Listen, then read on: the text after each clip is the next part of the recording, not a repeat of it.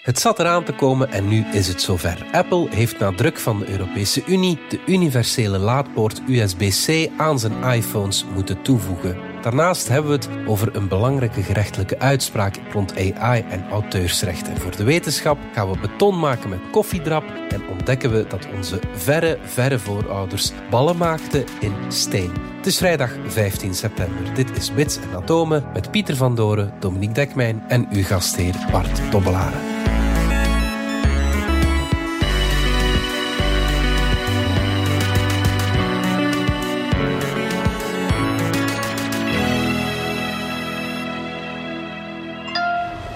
Dominique Dekman, welkom. De allernieuwste iPhone is er en het is al nummer 15 intussen. The titanium iPhone 15 Pro, built with an aerospace-grade material. Ik lees in de vakpers dat die beschikbaar is in erg frisse, felle pastelkleuren zoals groen, blauw, geel en roze. Wait, what? The new design comes in four Pro finishes. Maar de opvallendste wijziging, daar ga jij het over hebben. Uh, ja, en dat is de, het poortje. It now includes a USB-C connector with super fast transfer speeds. Een USB-C-poort waar je het kabeltje insteekt. En dat is uh, controversieel zelfs een beetje, want de Apple-fans hebben al jaren, eigenlijk al elf jaar, een Lightning-stekkertje. En dat is een klein beetje kleiner, hoewel veel mensen nog altijd moeite hebben om het verschil te zien en proberen het verkeerde kabeltje in zo'n poortje te proppen. Maar er is een verschil. En, uh, dus en dat gaan we merken als we... Ja, precies. En het belangrijke daaraan is, ik heb het er hier uh, vorige week ook al een beetje over gehad, hè. Europese instanties uh, hebben hun eigen idee over hoe technologie ontworpen moet worden.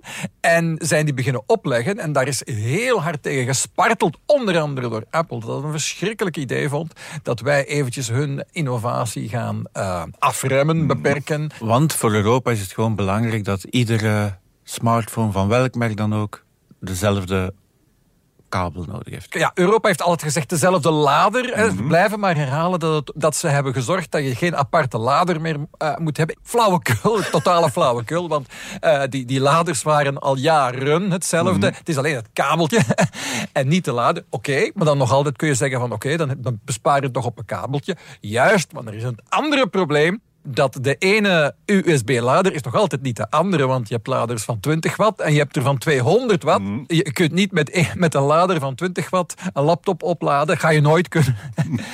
Als een nieuwe telefoon meer energie verbruikt, heeft je ook om snel op te laden een hogere wattage van lader nodig. Dus wat Europa er vertelt is niet helemaal juist. En bovendien, ja, al die mensen natuurlijk die, die Apple-gebruikers waren, in plaats van te juichen. Dankzij Europa hebben we nu eindelijk een USB-C-stekker op onze iPhone. Nee, in tegendeel. Zij hebben al die Lightning-spullen gekocht over de jaren. Maar het goede nieuws, het goede nieuws voor de Amerikanen en voor ons je kan ook gewoon een koppelingetje kopen, een kabeltje en Apple.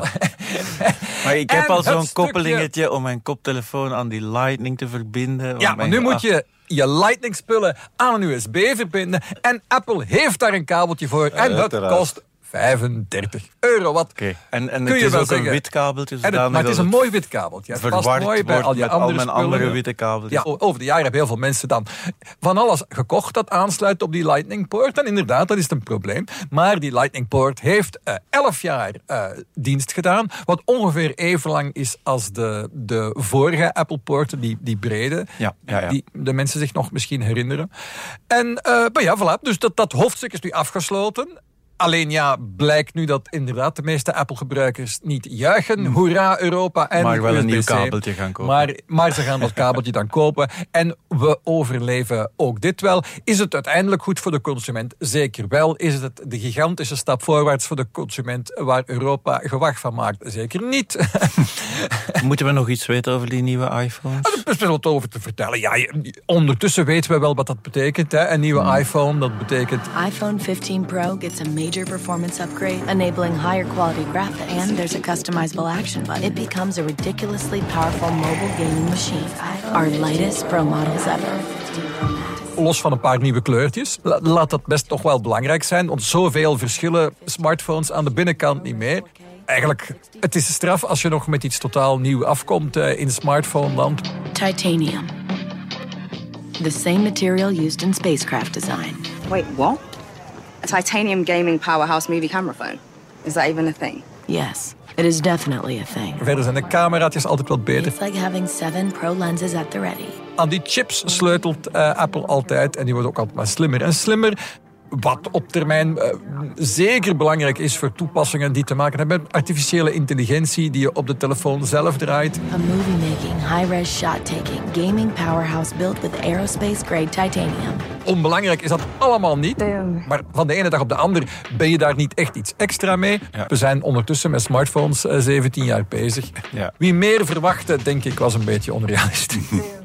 Jij wou ook nog iets kwijt over WhatsApp, want dat is ook uh, door Europa aangepast. Tenminste, dat is nog niet gebeurd, maar is aan het gebeuren. Dus er zijn een heleboel uh, punten, heb, heb, ik, heb ik eerder al gezegd, waar de, de druk van Europa begint te betekenen dat nu in 2023 en begin 2024 in de komende maanden technologieproducten van grote Amerikaanse technologiereuzen beginnen te veranderen. Eh, daar is lang mee gelachen van, eh, daar zijn de Europeanen weer met hun regels. Eh, maar nu zijn die regels er en men had lang gedacht van ha, Apple gaat dat niet doen, de USB-stekker. Weet je wat ze gaan doen? Ze gaan alle, alle stekkers ja. weghalen. En er gaat geen enkel uh, contactje meer zijn aan de volgende iPhone. En dan zal uh, Tim Cook zeggen, haha, zie je wel. Ja. Nee, Apple schikt zich naar wat Europa gezegd heeft. En iets heel gelijkaardig is aan het gebeuren met WhatsApp. Want uh, mensen hebben ontdekt dat er ergens een stukje programmacode in WhatsApp is opgedoken dat nog niet geactiveerd is.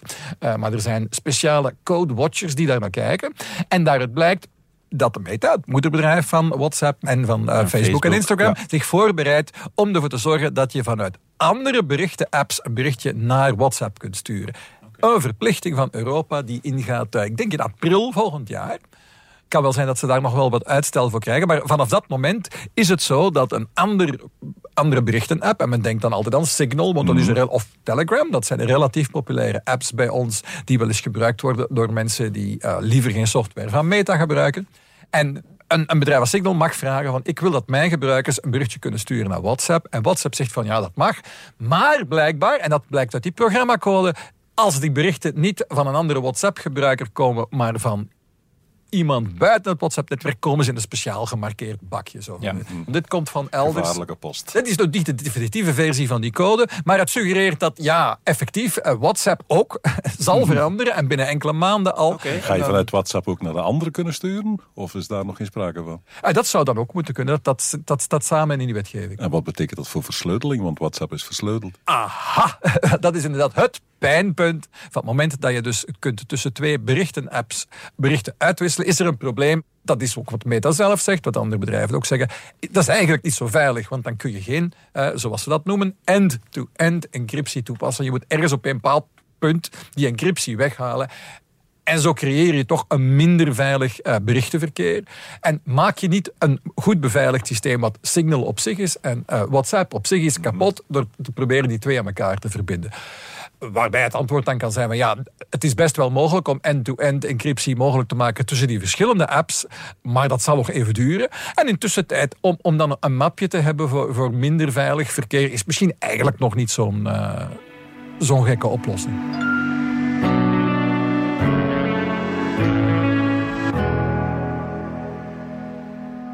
Dan uh, vind ik het nu tijd voor een kopje koffie, Pieter. Voilà. En we gaan eens nadenken wat we met het, uh, de koffiedrap gaan doen, want ja. daar zijn nieuwe toepassingen voor. Ja.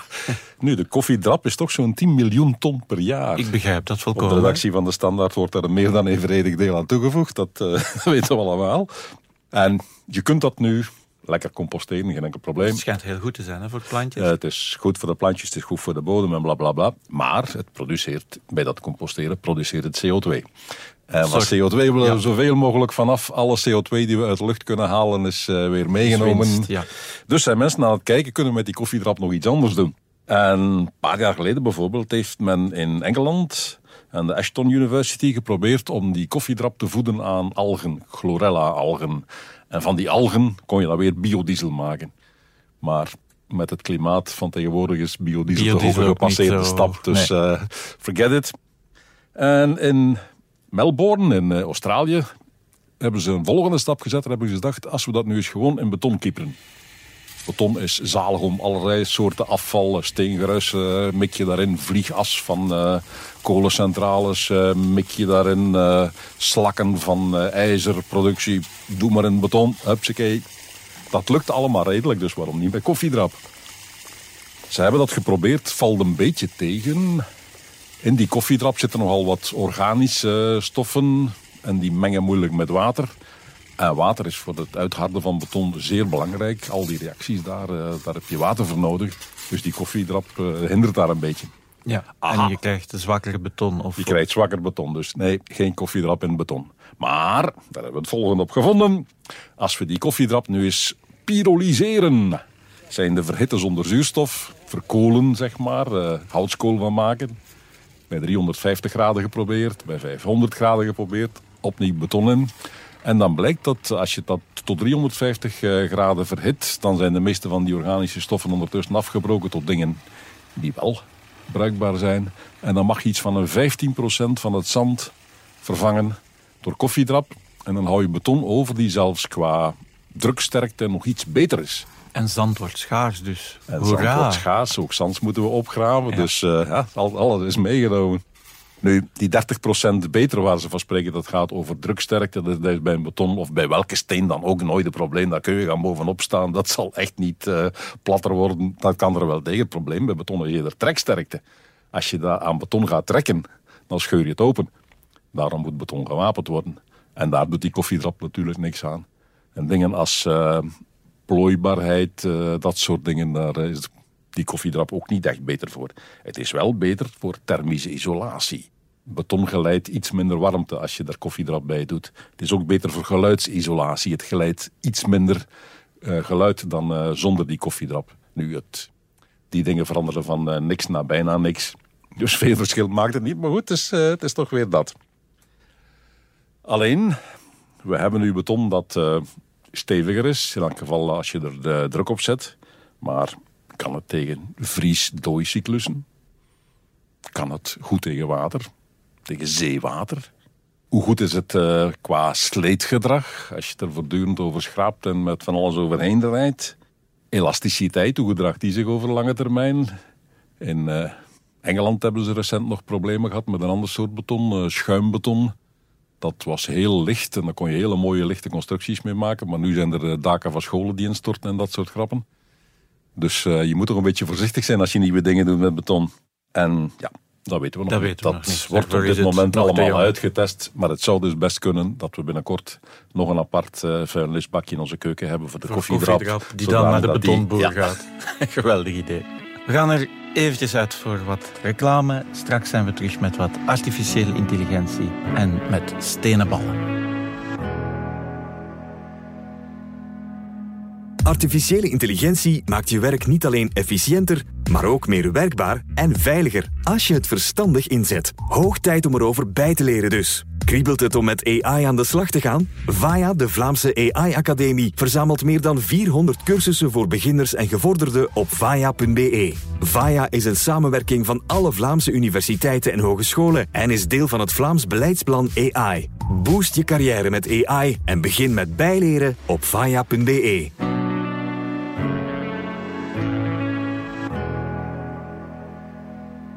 Welkom terug, Dominique. Artificiële intelligentie heeft, dat mag ik toch zeggen, een beetje lak aan auteursrecht. De systemen kunnen verrassend goed imiteren, ze kunnen napraten. Maar kan dat zomaar? En worden de originele auteurs voor dat soort kopieergedrag eigenlijk wel vergoed? En nog iets, is er dan weer auteursrecht op de productie van artificiële intelligentie. Kortom... Dat is net het punt. Hè? Dus, dus diezelfde discussie over auteursrecht, heeft AI auteursrecht? Hebben de mensen met, die de teksten geschreven hebben, waar de AI zich mee voedt, hebben die auteursrecht? Hoe zit dat nu eigenlijk allemaal? Dat is verschrikkelijk ingewikkeld. Ik zal eerst het simpel... Ja, ik zal het simpel. kort samenvatten. We weten het niet. En dat is eigenlijk voor alles dat met AI te maken heeft. Maar dan blijven de mensen niet luisteren. Dus we weten toch al iets. Ja, we weten wel al iets. Want uiteindelijk, ja, dus de, de grote uh, generatieve AI-revolutie is begonnen op 30 november vorig jaar. Dat is mhm. ondertussen een dikke tien maanden geleden.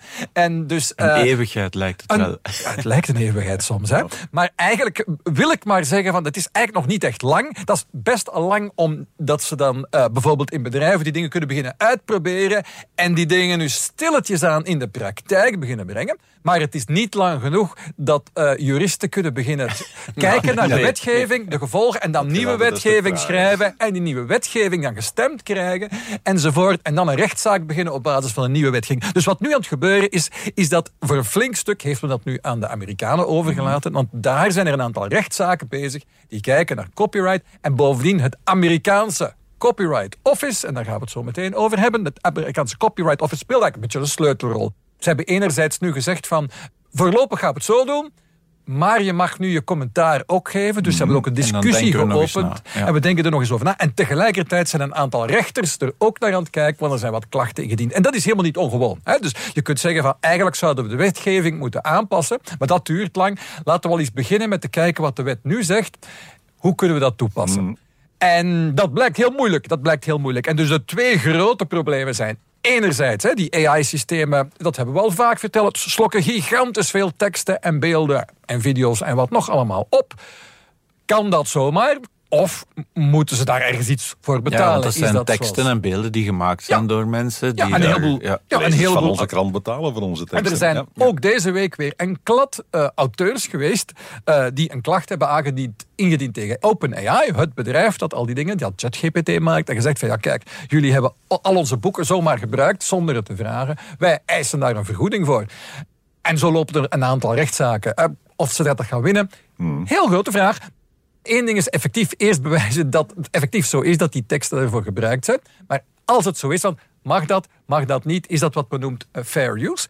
OpenAI uh, uh, heeft nu in ieder geval voor de toekomst gezegd van voor de toekomst mag je zelf beslissen. Ik wil dit niet dat wat ik hier op mijn website heb staan bijvoorbeeld artikels van onze krant. Wij willen niet dat artikels uit onze krant gebruikt worden om de volgende versie eh, van eh, GPT, dus zeggen, GPT-5 te trainen. Dan mag je dat nu zeggen en dat mag je in een klein bestandje op je website zetten dat het robots TXT-bestandje heet. Het bestandje waar je eigenlijk zegt van dit mag door Google geïndexeerd worden mhm. en dit hoef je niet te indexeren, want dat is niet voor het publiek bedoeld. Dus dat plekje gaat OpenAI nu gebruiken dat je tenminste kan zeggen van ik wil niet dat het gebeurt. Dus daarmee doet OpenAI een geste. Hè? Zegt van je, je mag het voor de toekomst. we, zeggen, we praten niet meer over wat er in het verleden gebeurd is, maar voor de toekomst mag je zelf beslissen, mogen mijn dingen gebruikt worden? Wat je nu ziet, is dat de grote media, en dus uh, bijvoorbeeld New York Times, was het dan de eerste in gezegd hebben van nee, mag niet, stop. Jullie mogen dit niet gebruiken. En dan tegelijkertijd stappen ze naar OpenAI en zeggen ze... en nu gaan we eens praten over hoeveel dat kost... om jouw volgende AI-systeem te trainen op onze tekst. Want ik zou wel schrik hebben hè, dat uh, de New York Times en alle belangrijke kranten zeggen... nee, het mag niet. En dat die systemen dan gevoed worden door allerlei regionale krantjes... en misschien nog andere nieuwsmedia die we niet zo kosher vinden? Of... Ik vermoed effectief dat uh, bedrijven als OpenAI uiteindelijk flinke sommen. Ik, ik, ik zou mhm. verwachten flinke sommen gaan uh, betalen aan de uitgevers van met name nieuws. Omdat dat, dat, niet, dat, dat hebben ze niet voor alles nodig. Hè. Om, om een, een, een om een uh, programma te maken of een, een, een, chatbot te maken die rijmpjes maakt, heb je geen toegang tot het laatste nieuws nodig. ChatGPT heeft helemaal geen toegang tot, tot recent nieuws. Dus het is geen essentieel onderdeel, maar ik denk dat ze het wel belangrijk gaan vinden dat, dat hun AI-systemen toegang hebben tot actualiteit. Ik denk dat ze aan een aantal grote nieuwsmedia gaan betalen. En waarschijnlijk, zoals dat gaat, uh, zullen ze dan proberen die bedragen vooral niet bekend te maken. dat niet, maar toch de oogjes van mediahuizen beginnen al een beetje te blinken. Ja, laten we zeggen, dat is zo. Hè. Alle grote uitgevers uh, hopen erop dat zij effectief nu wat geld van OpenAI kunnen zien. Uh, wat hen in het verleden met, met de zoektechnologie en met sociale netwerken heel moeilijk is gelukt. Het is heel moeilijk gelukt om uiteindelijk klein beetje geld van Google en uh, uh, Facebook te krijgen. En nu hopen ze dus op flink wat geld van die bedrijven als OpenAI. En, en Google ook weer. Het zijn dezelfde bedrijven ook weer voor een stuk. Of dat gaat lukken, daar gaat een robbertje over gevochten worden. Het staat niet in de wet, het is niet vooraf bepaald. Hè. Hoe werkt dat met auteursrecht en AI? We moeten het nu uitdokteren. wat nog altijd mogelijk is natuurlijk, is dat politici ondertussen met een briljant idee komen van nee, we gaan het zo regelen en dat ze dan een nieuwe wet stemmen. Maar dat is waarschijnlijk nog jaren van ons af. Ook nieuws van deze week, en dat is dan aan de omgekeerde kant. Van aan de ene kant heb je die AI-systemen die allemaal uit documenten, foto's ja. opslokken. Maar, dan produceren ze iets, ja. iets nieuws. Hoe zit het met het auteursrecht is daarop? Dat nieuw? Dat is bijvoorbeeld een interessante vraag. Is dat eigenlijk wel iets nieuw? Of zijn het uh, honderden of duizenden stukjes van dingen die al bestonden? Ja, natuurlijk. Maar we weten ook van ja, een, een, een artiest kan ook een collage maken. Ja. En een schrijver kan zich inspireren op dingen die eerder zijn geschreven. Kan thema's, motieven, ideeën, eh, stijlvormen overnemen van andere auteurs. Is dit nu anders? Alweer hetzelfde antwoord. We weten het niet. het staat nergens in een wet opgeschreven, want die wetten rond auteursrecht zijn voor een ander tijdperk geschreven. Die hielden geen rekening met wat nu allemaal kan. Dus we moeten het met z'n allen beginnen uitdokteren. Hoe, wat vinden we? En dus bijvoorbeeld heeft nu dat eh, US Copyright Office heeft nu gezegd van kijk, er was een kunstwerk dat vorige zomer, we hebben het er denk ik toen over gehad, heeft in de vorig krant jaar. gestaan, ja. Het heeft in de krant gestaan. En Er was er, iemand had voor een kunstwedstrijd, een digitale kunstwedstrijd, dus je mocht iets maken op je computer, eh, heeft hij een prijs gewonnen met het werk. En hij had, hij had het niet met Photoshop gemaakt, maar wel met Stable Diffusion. Niemand wist toen wat Stable Diffusion was. Maar dat is een beeldgenerator. Heeft de prijs gewonnen en heeft toen vier gezegd van kijk, ik heb met een met AI gemaakt werk eh, een kunstwedstrijd gewonnen. En dat was de eerste keer. En die man heeft nu gezegd van ja, maar ik vind het toch mijn werk. hè. Het heeft al overal in de wereld in kranten gestaan. Het heeft wel enig historisch belang. En die man heeft geprobeerd dat te deponeren bij het eh, US Copyright Office. Waarbij het US Copyright Office dan zegt, eh, ja nee, niet alleen ben jij niet de auteur van een werk, maar er is geen auteur. Want AI kan geen auteur zijn. Het auteursrecht gaat over mensen. En in Europa geldt het eigenlijk ook. Dat is niet alleen in Amerika, ook bij ons zo. Dus strikt genomen, van het moment dat je ChatGPT een versie laat maken eh, voor de verjaardag eh, van je broer, of een eh, spot dicht over Bart de Wever, of dan wel een, ik geef een die opdracht. Ik zeg, ik wil een spot iets over Bart de Wever, zoveel regels. En het woord Antwerpen moet erin voorkomen. En het woord Vlaanderen moet erin voorkomen. En het woord gele sneakers moet erin voorkomen. En dan maakt dat systeem... Dat, ja, ik heb het wel bedacht, een beetje. Ja, precies. En Die heeft dus, aangestuurd op zijn minst. Hè? Ja. En dus in het geval van dat kunstwerk heeft die artiest ook gezegd: ja, maar ik heb mijn prompt, hè, dus dat, dat zinnetje Mhm. Ja, tekst waarmee je die beeldgenerator aanstuurt. Ik heb wel 600 verschillende pogingen gedaan Ah, tot ik het helemaal Voilà. goed had. En daarna heb ik het resultaat ook nog eens een keer in Photoshop wat bijgewerkt, wat afwerking gedaan. Dus ik vind dat ik voldoende menselijke inspanning heb gedaan. En eigenlijk erkent het copyrightbureau dat ook. Zegt ook van ja, op een bepaald moment kan het zo zijn dat de, wat je er zelf aan doet, eh, de, aan de ene kant de slimme prompt, de slimme vraag die je stelt aan het systeem, en aan de andere kant wat je er verder nog mee, mee uitvogelt, dat dat voldoende is om dat deel ervan te beschermen. Dus je kunt, je is, kunt ja. niet je met AI gemaakt beeld beschermen, maar wel de prompt waarmee je het hebt gemaakt. En ja, heeft het dan hetzelfde effect? Alweer, zullen we moeten zien. En ook Microsoft laat van zich horen ondertussen. In dit dossier, ja, ja absoluut. Dat, was eh, heel interessant. Heel interessant. Microsoft heeft dan gezegd van, maakt u zich zorgen of eh, het, hetgeen dat u maakt met onze chatbot, of dat eigenlijk wel helemaal origineel is, of dat je geen klacht gaat krijgen van artiesten die zeggen van, je hebt mijn dingen gepikt. Is het geen plagiaat? Hè? Want v- vaak is dat wel een beetje zo. Die chatbots en ook die beeldgeneratoren hebben soms de neiging heel onvoorspelbaar, maar soms de neiging van toch een flinke brok tekst van ergens te pikken. Of, of, of een stuk van een beeld, herkenbaar van ja, dat komt toch eigenlijk daarvan. Je kunt het moeilijk voorspellen. Je kan je daartegen indekken. En hoe doe je dat bij Microsoft? Door te betalen. Microsoft zegt, voor betalende gebruikers van onze artificiële intelligentie garanderen we dat als er ergens een auteur afkomt en zegt van ja, maar dat is eigenlijk van mij gepikt. Hè? Microsoft zegt, wij dekken dat dan af. Wij voeren dat proces dan... eh, en dat is interessant. Een soort is- verzekering eigenlijk. Eigenlijk is dat een soort verzekering voor dus de betalende gebruikers van Ja, AI. ja. Dat zal zeker, zolang dat eigenlijk de juridische onduidelijkheid hierover is, en ik vermoed dat die juridische onduidelijkheid nog wel een paar jaren gaat aanhouden, maar zolang er juridische onduidelijkheid is, is dat eigenlijk de manier om het op te lossen. is wel van, leuk, hè? Ja, we We- weten het eigenlijk niet, maar we gaan ons indekken. We creëren, we creëren een probleem en als je het wil oplossen, dan moet je betalen. Wel, het is zeker zo dat deze technologiebedrijven allerlei manieren zijn aan het zoeken om geld te verdienen aan deze technologie. En eh, dat zal hen ongetwijfeld lukken. Er gaat hier superveel geld aan verdiend worden de volgende jaren. En dan is de vraag natuurlijk... Door wie? Hoeveel procent... Ja, naar wie gaat het geld? En pak je daar als auteur van een werk dat door die systemen gebruikt wordt, pik je er iets van mee of niet? De toekomst zal het uitwijzen en dat is het bruggetje naar het volgende onderwerp dat ons helemaal teruggooit in de tijd.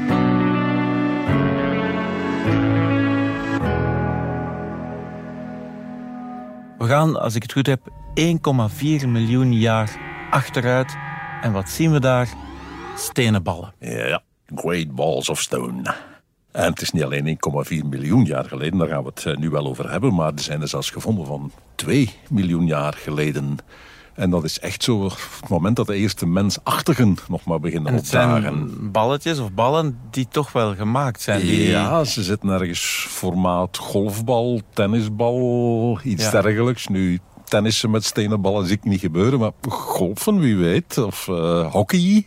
Maar de homo sapiens was er toen nog niet. Het Homo dus de- sapiens was er toen nog niet. homo Homo ludens. ludens, de spelende mens, weten wanneer, wanneer die ongeveer ontstaan is. Als we toch technisch blijven, het is het tijdperk van Homo erectus. Echt de voorganger van de, van de moderne mensen. Ja. In die periode. En ja, wat, wat deden die in godsnaam met, eh, met stenen ballen? Wat is het eh, nut daarvan? Het is al moeilijk genoeg in die periode om gewoon te overleven. Dus als mensen stenen gebruikten, dat was dat om inderdaad nuttige dingen mee te doen. Je, het is begonnen met, eh, je neemt een kei, je slaat er een paar eh, scherven af en je hebt er een fijne scherpe kant aan. ja. En als dat een ding is dat lekker in de vuist ligt, dan kun je daarmee gaan ja, bomen omhakken, eh, schors afschrapen, eh, huiden afschrapen. Ja, je hebt iets met een scherpe kant, daar kun je dingen mee doen. Volgende stap, en dat is de periode waar we nu zitten. Je kunt van die steen ook flinters gaan beginnen afslaan. Dus eh, dunne schijfjes, vlakken zeg maar. En met die dingen verder werken, dan kun je daar pijlpunten mee maken. Of je kunt daar messen mee maken. Die waren toch ongeveer even scherp als glas. Dus met die eh, messen kon je wel wat doen. En met die pijlpunten kon je wel wat doen. Alleen, die snede werd heel snel bot. Dat eh, Ja. breekt gemakkelijk af. Net zoals een glazen mes eh, niet lang meegaat. Nee. Maar het werkte wel. En als je zo een afslagen, zo'n flinters begint te maken, dan neem je een kei, je slaat er een stuk af. En dan werk je dan verder af, je slaat er weer een stuk af. En dan maak je daar weer iets mee, je slaat er weer een stuk af. Telkens draai je de basissteen een beetje en je slaat er weer een schijf af.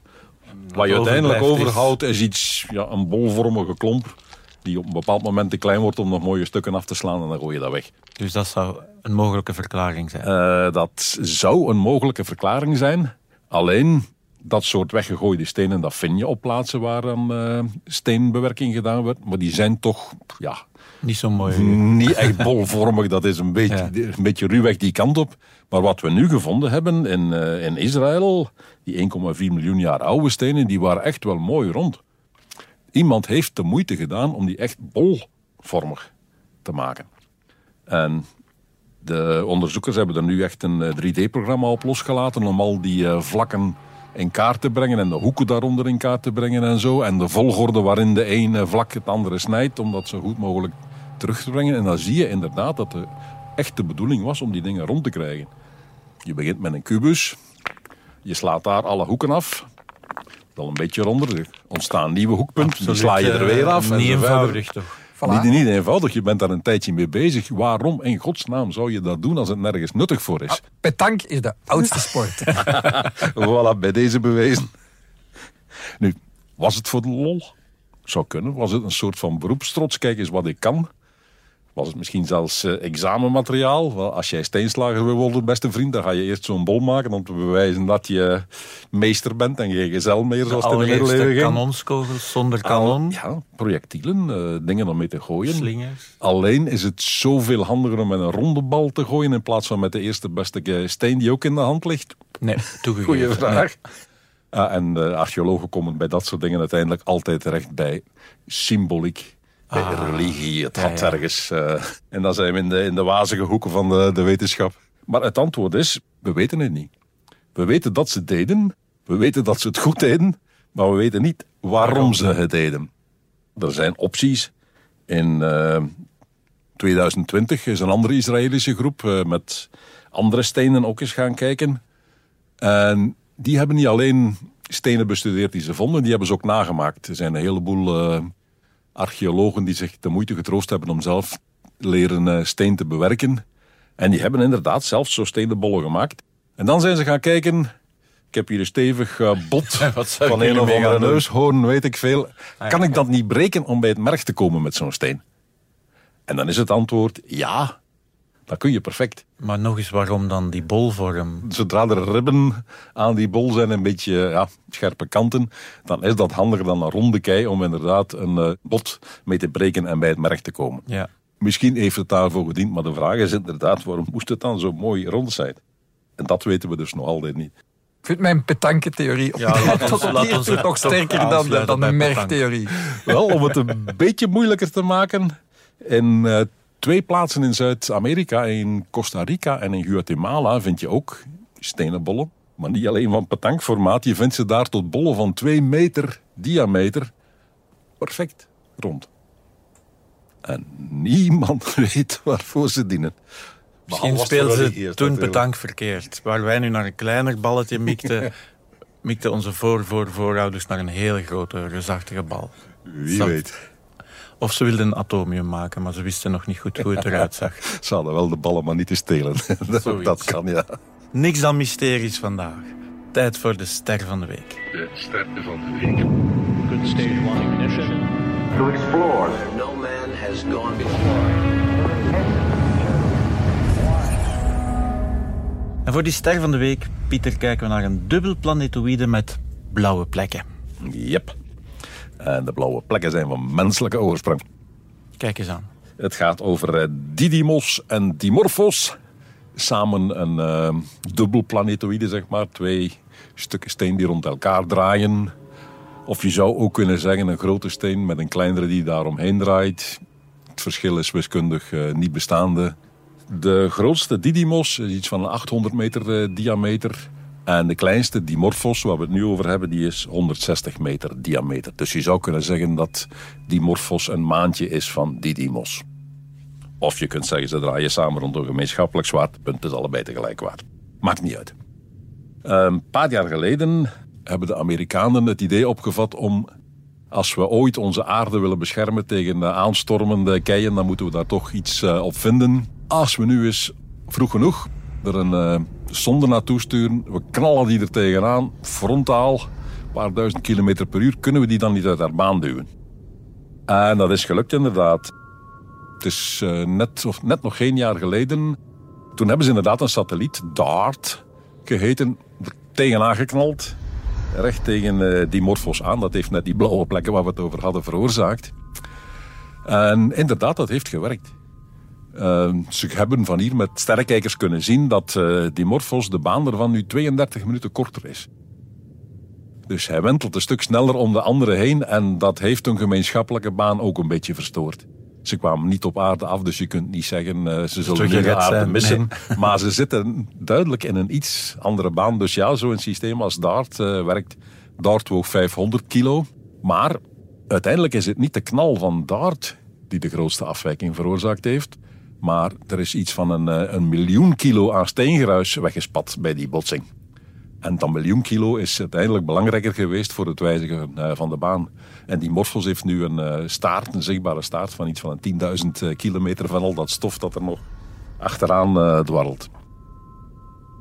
Er is een krater geslagen, dat is wel duidelijk. Dat miljoen ton is ergens weg. Maar wat er nu precies gebeurde, zijn daar barsten in dat ding gekomen? Zijn daar, is dat één grote put? Zijn dat meerdere putten? Dat weten we allemaal niet. Dus de ESA, de Europese ruimtevaartorganisatie, die gaat een kijkje nu nemen. een satelliet sturen, Hera. Die gaat eh, volgend jaar omhoog. En daarin zit wat men een CubeSat noemt. Een eh, gestandaardiseerde satelliet, zeg maar. Cube 10 bij 10 bij 10 centimeter. Tegenwoordig worden eh, satellietjes vaak opgebouwd uit dat soort eenheden. En in dat ene 10 bij 10 bij 10 kubusje, ja, ongeveer het formaat van eh kartonnen doos waar je een koffiemok zou in verkopen, daar zit een complete radar in. Plus nog vier antennes, anderhalve meter groot elk. Allemaal netjes opgevouwen in dat kleine kubusje.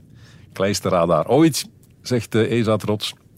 En dat ding gaan ze nu eh, met die Hera-satelliet dus naar eh, Dimorphos sturen. Om daar tot 100 meter diep in die kei te kijken wat is hier allemaal gebeurd. En eh, waar zitten de scheuren en eh, wat is er veranderd. Hoe, hoe Ehm, blauw zijn de blauwe plekken. Hoe blauw zijn de blauwe plekken? Lancering volgend jaar, aankomst 2026. Dus beste luisteraars, bij deze afspraak. We hebben iets om naar uit te kijken, Pieter. Voilà. Dank jullie wel allebei. Yes, Dit was Bits en Atomen, onze wekelijkse podcast over wetenschap en technologie. Bedankt voor het luisteren. Alle credits van de podcast die je net hoorde vind je op standaard.be-podcast. Reageren kan via podcast.standaard.be. Volgende week zijn we opnieuw.